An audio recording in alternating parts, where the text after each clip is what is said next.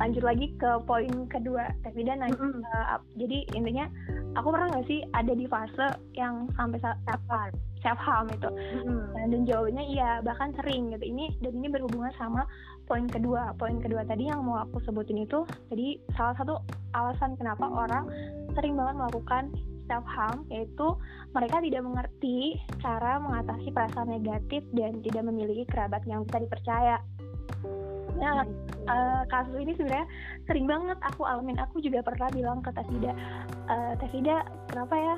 Kadang aku selalu ngerasa sendiri gitu. Aku kok, aku bisa kok ngapa-ngapain sendiri. Uh, hmm. Gak melulu harus sama orang, tapi kadang ada suatu waktu aku juga butuh orang lain, butuh pengakuan, butuh support dari orang lain dan lingkar pertemanan aku di fase-fase sekarang tuh apalagi baru lulus kuliah kan ibaratnya bener-bener lagi mengkerucut banget gitu. Teman-teman tuh ini aja aku kontak sama teman-teman kuliah tuh cuma ada satu dua yang sampai sekarang masih nanyain kabar. Lebihnya kalau di IG kan kayak ibaratnya reply story ini tuh segala macam cuma cuma sekedar saya hai doang kan. Enggak enggak bener-bener yang temen deket banget gitu. Ya nah teman aku tuh dikit banget ya Rida sebenarnya temen dah kutip temen ya. Cuma nggak apa-apa lah yang penting tuh kualitasnya kan. Iya sih kuantiti akan kalah dengan kualitas ya kan. Tuh nah jujur kadang aku tuh suka iri ngeliat orang yang pertemanannya sampai awet banget gitu sampai sweet banget care banget sampai uh, suatu ketika aku mikir uh, apa aku gak pantas ya diperlakukan baik sama orang? Atau emang dasar uh, aku perilaku aku aja yang kurang baik? Sampai-sampai aku nggak nggak bisa dapet uh, feedback. Misalkan nih aku udah baik sama hmm. orang. Itu tadi sih ekspektasi. Aku udah baik sama orang aku udah berusaha ada untuk orang. Tapi feedbacknya justru mereka nggak nggak melakukan apa yang aku harapkan gitu dan hmm, aku ada di fase-fase yang bener-bener lagi down banget. Itu sering uh, dorongan untuk ngelakuin self harm itu sesimpel apa sesimpel aku mukulin diri sendiri atau uh, ketika aku lagi kecewa banget sama kecewa sama diri sendiri mungkin aku jidotin diri ke jidotin kepala ke tembok gitu perilaku. Really? iya. Oh. perilaku kayak gitu iya. sebenarnya aku sadar gitu hal itu tuh nggak baik. Aku tahu hal itu nggak baik sama sekali nggak baik. Cuman kontrolinya itu loh teh yang susah untuk mengontrol oke okay, Dian kamu jangan lakuin ini salah ini salah. Tapi susah untuk ngontrol itu butuh proses butuh waktu dan nggak segampang. Mungkin aku bisa nih ngomong kayak gini ngomong uh, ngasih nasihat ngasih saran ini itu tapi susah untuk udah oh, action ya gitu. Yang penting kan actionnya kan. Cuman itu masih proses juga sih sebenarnya. Ya nggak apa-apa. Memang semuanya tuh proses gitu loh yang tadi aku bilang kayak ya orang tuh kadang mikir kayak oh kita ngomong kayak gini kayak yang udah uh, kayak lu nggak pernah ngerasain aja gitu. Kayak tadi kamu kan eh, bilang kayak aku share di uh, di Instagram di aku pun sama bikin podcast gitu kan. Mm. kalau kayaknya tuh uh, orang tuh mikirnya oh aku tuh nggak pernah kali gitu padahal pernah merasakan itu. hmm, atau enggak uh, oh uh, dia tuh udah udah sembuh maksudnya maksudnya udah udah udah melalui proses itu ini justru adalah coping mekanismenya gitu kan. Tadi ada yang coping mekanismenya dengan harm atau kita mencoba channeling uh, hal lain untuk sebagai coping mechanism kita biar kita tuh selalu diingatkan. Mungkin bukan maksudnya mengingatkan orang lain tapi simpel mengingatkan diri sendiri gitu kan. Ketika kita dengerin ini atau enggak ketika kita uh, apa sih lihat story kita atau misalkan lihat feed kita ada yang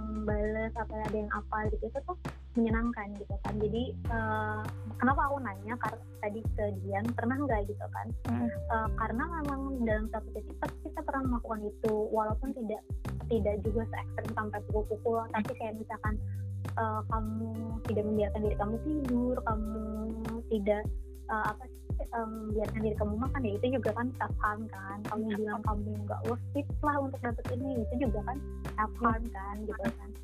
Uh, ternyata itu bisa dilakukan dengan hal lain. Contohnya kayak Dian bikin podcast gitu kan. Coping. Karena self ini kan coping mekanisme kan.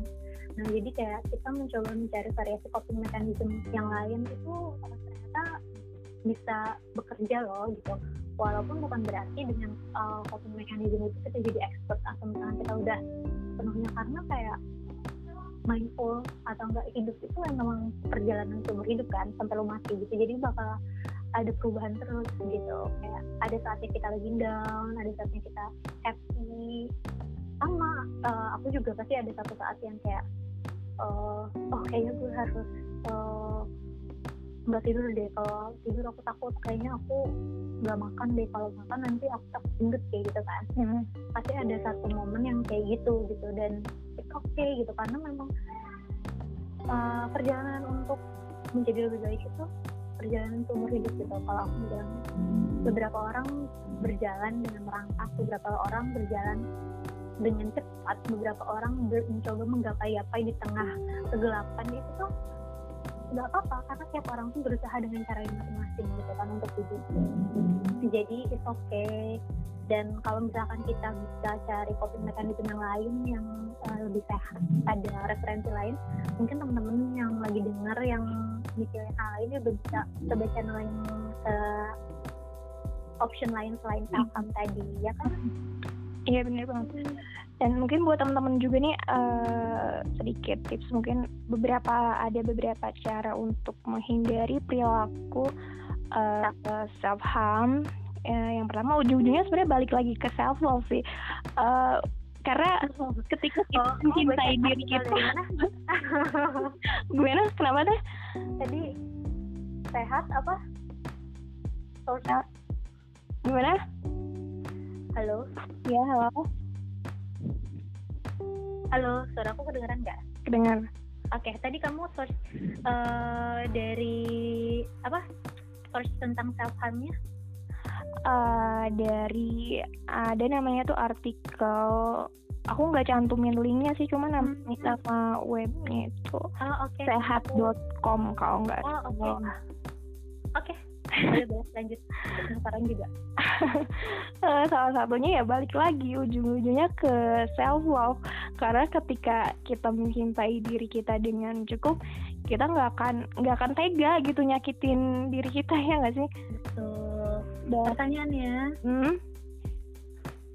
bagaimana untuk menumbuhkan rasa self love nya ah self love silakan dijawab itu kan maksudnya iya ya pertanyaan besar semua orang kayak self love ini lagi banyak banget jadi pembahasan gitu kan. Tapi kadang ketika udah nanya tuh iya pertanyaan kayak karena aku pun ketika mendengarkan podcast atau membaca tentang artikel terus yang bilang uh, meningkatkan self love-nya terus kayak iya gimana caranya woi? Kasih tahu. Gitu kayak iya pasti mungkin ada beberapa orang yang denger ini juga kayak gitu. Dan mm-hmm. ya tadi mungkin bisa balik ke obrolan kita yang di atas ya. Maksudnya cara orang beda-beda. Mm-hmm. bisa mencari penyembuhannya masing-masing. Misalkan dengan cari topik mekanisme lain coba untuk sharing. Kalau nggak coba untuk mulai tidak berekspektasi kayak gitu gitu sih. Lebih ke uh, nulis kayak hal apa aja yang suka dari diri lu jadi lu tahu kayak yang harus lo improving itu apa aku kan kok nulis kayak gitu. Terus kayak mulai uh, ini jurnal uh, gratitude tiap pagi misalkan mm. kayak uh, di handphone aja ditulis di note kayak aku bangun pagi hari ini. Tiap bangun pagi misalkan kamu uh, kalau dalam meditasi itu ada mantra misalkan. Uh, kalau aku ada namanya Ho'oponopono Song dari Jepang oh, itu. itu ada uh, kayak subscribe mantra bagus jadi kalau tiap bangun mm-hmm. itu kita nanya eh kita bilang ke diri sendiri itu kayak uh, I thank you and I love you gitu. Jadi kayak kita bilang itu kayak uh, bilang makasih. Dan itu berpengaruh teh itu uh, uh, efek ya berpengaruh sih kayak uh, kayak tadi kan karena kamu tuh butuh mendengar kata-kata itu tuh dari diri kamu. Jadi kayak bilang ke diri sendiri dalam hati misalkan uh, makasih maaf uh, dan uh, aku uh, I love you gitu setiap setiap hari atau setiap pagi gitu. Karena kalau di meditasi ada mantra kan.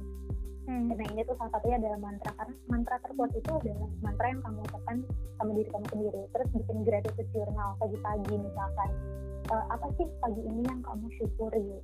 Kalau dulu uh, kalau dulu sejadinya taat uh, aku pernah bahas di podcast kita juga kayak jadi kalau kita tuh biasanya ada experience dulu sebelum kita bahas tentang temanya gitu hmm. kita tuh bahas tentang gratitude yeah. jadi kita tuh bikin chat atau enggak note di handphone pagi ini tuh apa yang kamu syukuri harus ya kadang kita lupa gitu uh, dan itu bisa menemukan itu menurut karena kita ngerasa happy dan itu kayak misalkan ya yang aku sih harus syukurin pagi ini terus hmm. udah bilang uh, ke pagi-pagi atau kayak uh, thank you uh, buat maafin dan uh, I love you gitu kan tiap hari. Kayak ada namanya Ho'oponopono song itu kayak mantra tapi dalam beberapa hal kalau di kelas meditasi itu macam-macam kamu bisa bikin mantra sendiri yang menurut kamu cocok dan kamu butuhin gitu. Tapi coba deh pagi-pagi duduk terus kayak nulis di gratitude journal di handphonemu hal apa sih yang kamu uh, syukurin ketika buka mata sekarang terus katain kata-kata apa sih yang menurut bisa substituting atau enggak menenangkan diri kamu hari ini omongin gitu dan itu lakuin setiap hari kalau nggak seminggu dulu aja kayak kerasa deh kayak feelnya tuh ketika memulai hari itu lebih enak gitu loh. Hmm. intinya bersyukur sih ya karena tidak semua orang bisa bersyukur gitu. Bersyukur tuh hal yang mudah mudah untuk dilakuin tapi nggak semua orang bisa. Sebenarnya uh, apa sih alasan orang uh, alasan orang datang ke psikolog itu? Karena uh, ya ada realita yang nggak bisa mereka terima gitu. Uh, lu bingung gimana cara menerima kenyataan ini ya lu diskusi sama psikolog akhirnya. Tapi kalau lu nerima oke okay, gue bisa terima semuanya. Oke okay, emang udah harus kayak gini jalan. Oke okay, nggak apa-apa jalanin aja. Rasa rasa bersyukur itu bukan hal yang enak bukan maksudnya bukan melulu ya Allah makasih hari ini aku uh, dapat rezeki. Makasih hari ini aku bisa makan enak. Bukan melulu hal-hal yang enak aja gitu tapi uh, hal yang pahit atau hal yang kurang menyenangkan di hidup kita juga sebenarnya harus kita syukuri sama kasusnya kak dia tadi uh, eh, TA tadi kan. Hmm. syukur karena kaos kakinya hilang cuma satu ya. kalau gratitude sih untuk ringan ya maksudnya kalau pagi-pagi uh, tapi kalau konsep bersyukur tuh emang benar tadi sebenarnya di Islam juga ada mm. uh, jadi bersyukur itu kan kalau kita selama ini konsepnya kayak menerima ya kalau bersyukur mm. itu yeah. harus menerima apa yang kita punya tapi tuh kalau menurutku bersyukur juga berarti kan jadi maksudnya adalah bersyukur ini menerima apa yang kita miliki gitu kan kalau kata orang tapi bersyukur juga melepaskan hal-hal yang tidak bisa kita kontrol melepaskan hal-hal yang bisa melepaskan bahwa kita tuh tidak bisa mengontrol segalanya gitu. Jadi lebih berserah diri. Hmm. itu ketika kamu belajar mindfulness kamu akan amazed berapa banyak konten mindfulness yang sebetulnya sudah ada di ajaran agama kita masing-masing gitu loh. Karena nyambung menurutku gitu. Jadi uh, menarik menarik hmm. dan tadi juga kamu ngomongin psikolog kalau misalkan ternyata hal-hal yang udah kita obrolin di sini tidak bisa akhirnya kamu merasa berat dan ternyata nggak cocok gitu merasa hmm. berat banget oke okay untuk uh, minta konsultasi sama orang yang lebih ahli berpengalaman hmm. harus jangan takut dengan definisi kita lo datang ke psikolog berarti lu gak waras gitu enggak nah, sekarang tuh banyak banget ya, yang udah bisa dilakukan secara virtual ketika aku merasa lebih baik ngobrol sama orang yang uh, expertnya menurutku. Apalagi kalau udah masalah kesehatan itu kayaknya uh, lebih baik tuh langsung ke psikolog sih menurutku. Karena mereka akan lebih tahu coping mechanism yang tepat untuk kamu tuh kayak gimana. Hmm. uh, dan apa hal-hal yang bisa kita lakukan uh, banyak banget kan sekarang uh, jasa-jasa konsultasi hmm. psikolog gitu. Karena uh, jujur ya aku sendiri tuh kadang takut kalau ditanyain sama orang yang uh, udah masalahnya sudah gitu. Contohnya misalkan kamu lagi saham atau enggak dulu tuh aku lagi ngobrol sama temen tiba-tiba ada yang mau bunuh diri temennya. Hmm. terus aku bilang kayak ya ampun kalau gue sih bingung mau jawab apa? Kayak aku mah akan langsung bilang aku nggak mau jawab mending langsung aja Uh, iya. Soalnya, Soalnya bahaya juga sih karena iya tadi kan karena kalau salah ngomong tuh bisa trigger sesuatu yang lebih bahaya gitu. terus kayak kita nggak tahu backgroundnya dia kayak gimana jadi lebih mendingan ketika lu ngerasa lu butuh banget pertolongan uh, ya mintalah gitu jangan takut dan nggak ada salahnya minta pertolongan sama orang yang profesional gitu malah lebih enak iya benar uh, kalau berarti gila tuh harus dirubah ini hmm. kan masih banyak kan anggapan bahwa ngapain sih lo ke psikolog? Gila ya. Mental illness ya. Kayak banyak juga kan teh kayak uh, candaan-candaan kayak cemo cemoohan yang uh, dikit-dikit selalu ngaitin sama mental illness mental illness. Aku sebenarnya agak keganggu juga sih sama hal itu mungkin stereotipnya kalau ada apa-apa sekarang udah di mental illness karena banyak orang yang pasang itu juga. Maksudnya kayak hmm, ini mental illness sekarang tuh akhirnya salah definisi sih menurutku jadi kayak apa ya banyak yang uh, share sesuatu yang memang mungkin tadi uh, bukan kapasitinya makanya aku nggak berani bilang oh ini uh, kan oh ini. Kadang tuh takut kan kalau bilang gitu jadi kita sudah mulai apalagi sekarang orang punya media gitu. Setiap orang ini adalah influencer dia followersnya. Jadi tuh untuk ngomong apa pun tuh harus hati-hati gitu. dan kalau misalkan takut untuk uh, tuh orang nggak akan tahu kan kalau mau konsultasi.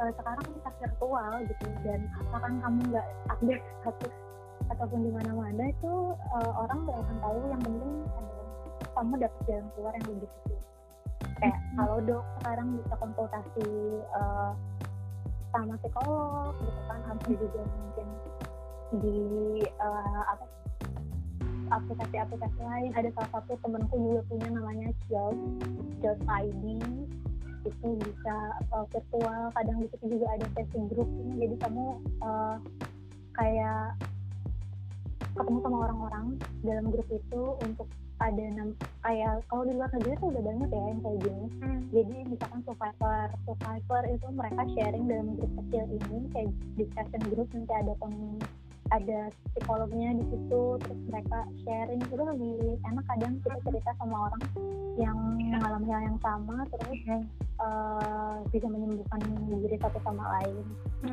Macam-macam aku juga kan ikut komunitas uh, kelas menulis dan kebetulan yang ngadainnya itu BCI Bipolar Care Indonesia dan orang-orang yang masuk grup itu teh uh, bener-bener orang yang dengan uh, maksudnya yang beda-beda gitu ada yang emang punya bipolar ada yang punya anxiety terus hmm. uh, ketika ngobrol ketika aku scroll aku jarang nongol sih cuma kadang aku seringnya scrolling scrolling. Mereka kadang sering share sering sering uh, cerita juga di situ. Karena ya gitu dengan orang-orang yang seperti itu kita justru jadi lebih uh, apa ya biasanya. Ada ini kali ya kayak uh, share human experience. Akhirnya kita ngerasa sendiri bahwa ada orang yang mengalami hal yang sama juga. Jadi lu tuh nggak akan ngerasa iya. ternyata ada juga loh yang ngalamin mm, oh ternyata ada juga loh yang bisa survive. Iya. Oh ternyata aku tuh nggak sendiri loh menarik menarik bipolar um, bipolar care Indonesia. Tapi udah nggak aktif sih sekarang aku. Hmm, oke. Okay. oke. Okay. panjang banget nih kita hari ini. Ya banget ya guys. Oke. Okay. last question mungkin ya. Ini um, masih ada. Kirain kamu udah bosan denger aku ngomong ini panjang banget sebenarnya. Tapi ya Allah. Aku takut pendengar aku bosan mohon maaf ya. Um, maafin ya. Uh, gimana sih teh? Uh, tindakan-tindakan yang berpengaruh uh, buat Teh Vida? Maksudnya uh, tindakan positif apa yang sangat berpengaruh buat Tevida ketika lagi down? Selain yang udah disebutin lagi tadi kayak yoga terus uh, apa nulis. Dan ada nggak sih saran atau uh, masukan untuk orang-orang yang mungkin dulunya masih sama kayak Tevida dulu belum bisa masih masih suka mendem masih nggak enakan masih masih nyimpen ekspektasi banyak sama orang. Karena aku yakin pasti yang denger di luar sana banyak banget yang masih ngerasa kayak gitu. Uh, atau saran ya masukan gitu. Sebenarnya mungkin udah aku sebutin tadi di atas semua secara tersirat ya. Uh, maksudnya sarannya dari yang pertama mungkin bisa uh, olahraga itu penting sih menurutku mm. maksudnya secara fisikal karena kita tuh stres dengan olahraga uh, apa pun yang kita uh, lakuin itu tuh akhirnya bisa mengurangi stress release-nya uh, jadi dengan mau berolahraga berkeringat itu tuh percaya nggak percaya bisa mengurangi tingkat stres kamu mm. uh, olahraga penting banget makanya pagi-pagi aku selalu uh, sebelum memulai hari workout sebentar itu penting banget. Hmm. uh, kalau nggak nggak harus yang ekstrim tapi misalkan stretching atau apa juga banyak kan sekarang. Mungkin salah satunya contohnya aku ada suka ikut channel YouTube namanya Netflix itu bagus. Terus kedua mungkin tadi aku meditasi. Kalau kalian prefer suka meditasi boleh uh, coba sekarang banyak aplikasi meditasi. Uh, menarik loh meditasi itu. Karena kayak di tengah apalagi di tengah PSBB kayak gini kadang kita suka uh, stres nggak bisa keluar nggak bisa ketemu orang tapi uh, meditasi ini bisa membantu lebih menangin pikiran mm-hmm. mungkin kalian bisa lihat ada let's meditate atau mungkin aku sekarang pakainya yang headspace tapi headspace itu premium ada uh, berbayar tapi mereka bagus sih kalau misalkan teman-teman yang dengar podcast boleh lihat podcastnya PC Yoga hmm. Atau enggak PC Meditasi ada kadang dia ngelakuin live meditation itu kalian bisa meditasi sambil dengerin podcast. Menarik sih. Jadi yang baru mau tahu juga boleh dengerin itu. Yoga okay. terus udah gitu juga uh, apa sih yang dilakuin lagi? Ya udah sih menurut aku sih belajarnya itu sih yang utama. Kayak uh, olahraga fisikal tuh bantu banget mengurangi stres. Jadi kalau tadi kan lagi stres uh, itu bisa dibantu terus juga ada meditasi terus juga makanan percaya nggak percaya itu tuh mempengaruhi uh, mm, terus kayak uh, tadi lakuin self gratitude. Hmm. tulis aja pagi-pagi bikin jurnal kayak pagi ini kamu uh, apa yang kamu syukuri apa yang kamu kalau nggak diganti karena tadi uh, love bahasannya apa sih yang kamu sukai dari dirimu pagi ini ketika kamu bangun gitu kan? Itu ditulis satu-satu apa sih yang kamu uh, bikin amazed uh, di dalam diri kamu? Apa sih uh, terima kasih kemarin uh, misalkan bilang terima kasih sama diri kamu pagi ini kayak gitu bikin kayak jadinya gratitude uh, to self jurnalnya. Kayak thank you kemarin udah berjuang thank you kemarin udah ngerjain soalnya dengan baik kayak gitu. Hmm. itu bagus percaya nggak percaya memang kayak sepele tapi uh, it's help itu sih. Nggak yang ekstrim-ekstrim banget maksudnya yang bisa kita lakukan sekarang. Kayak hal-hal kecil juga karena hmm. itu juga lumayan nah, berpengaruh tapi ya sih olahraga aku rasa itu juga karena daripada kita stres ngelampiasin ke hal lain gitu kan lebih baik olahraga dan lebih banyak manfaatnya juga hmm, sama yang paling penting nih terakhir tadi kan udah tiga ya hmm. uh, olahraga meditasi mungkin buat uh, pikirannya kalau olahraga fisikalnya terus kayak self gratitude pagi-pagi hmm. terus yang terakhir nih batasi sosial media.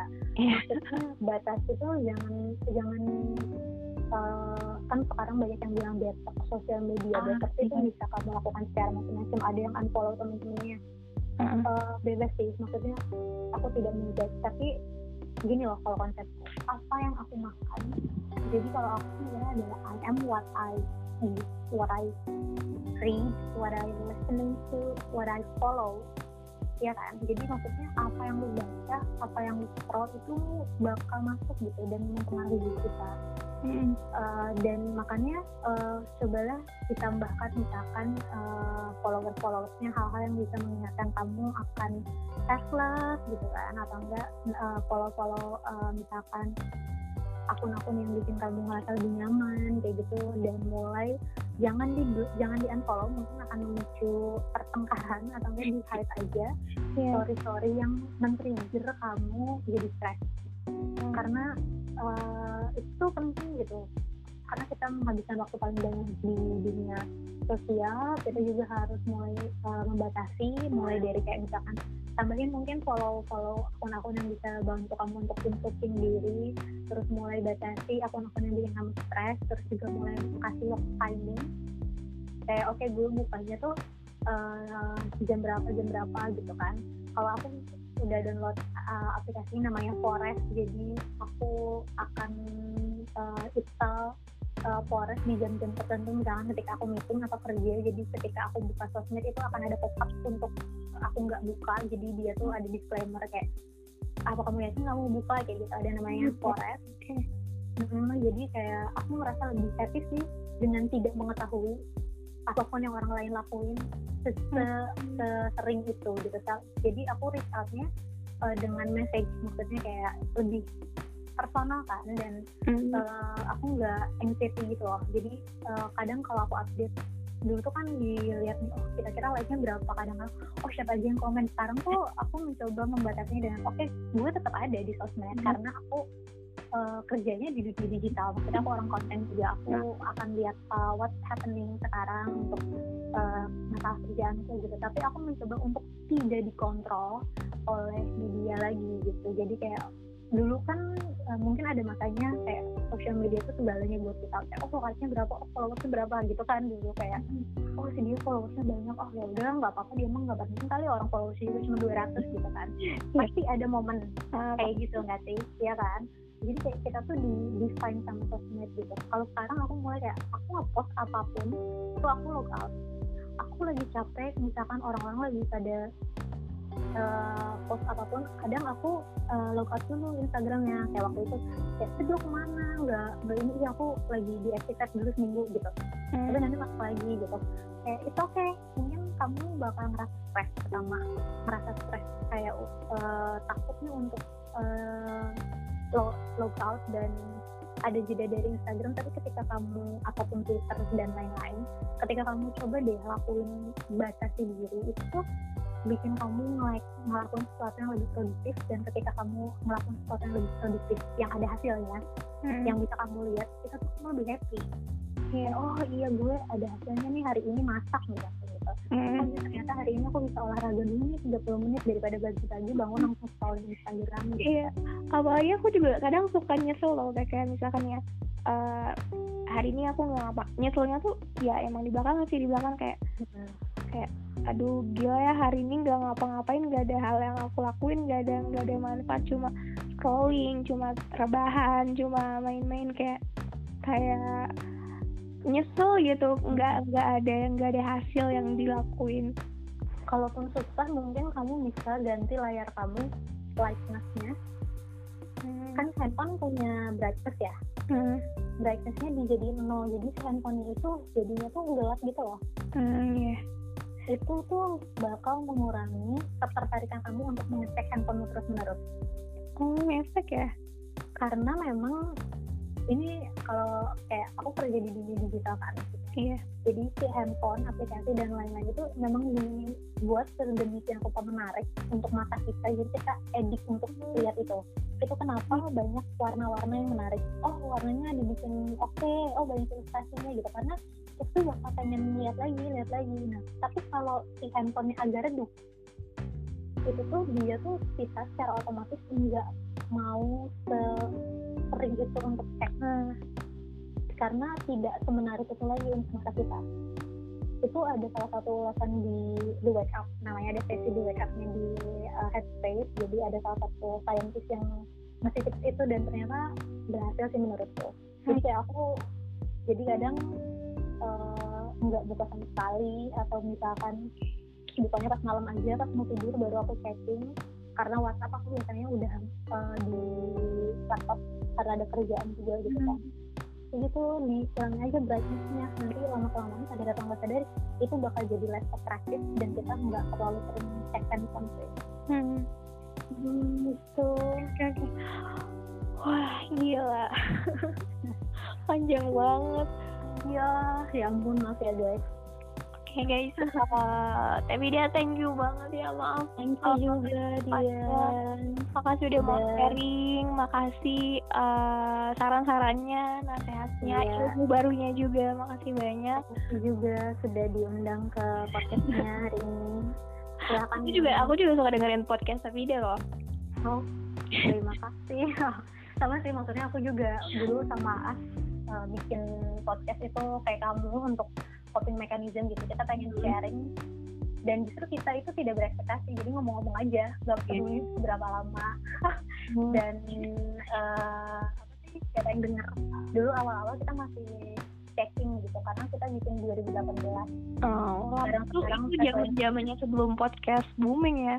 Kayak masih sedikit orang yang tahu podcast itu apa. Podcast kan hmm. booming uh, pas 2019 eh. Ya 2019 iya. Itu boleh nanti mungkin mampir juga di lapak okay. teman-teman. Video seru banget ini. Oke. Okay. uh, makasih banyak.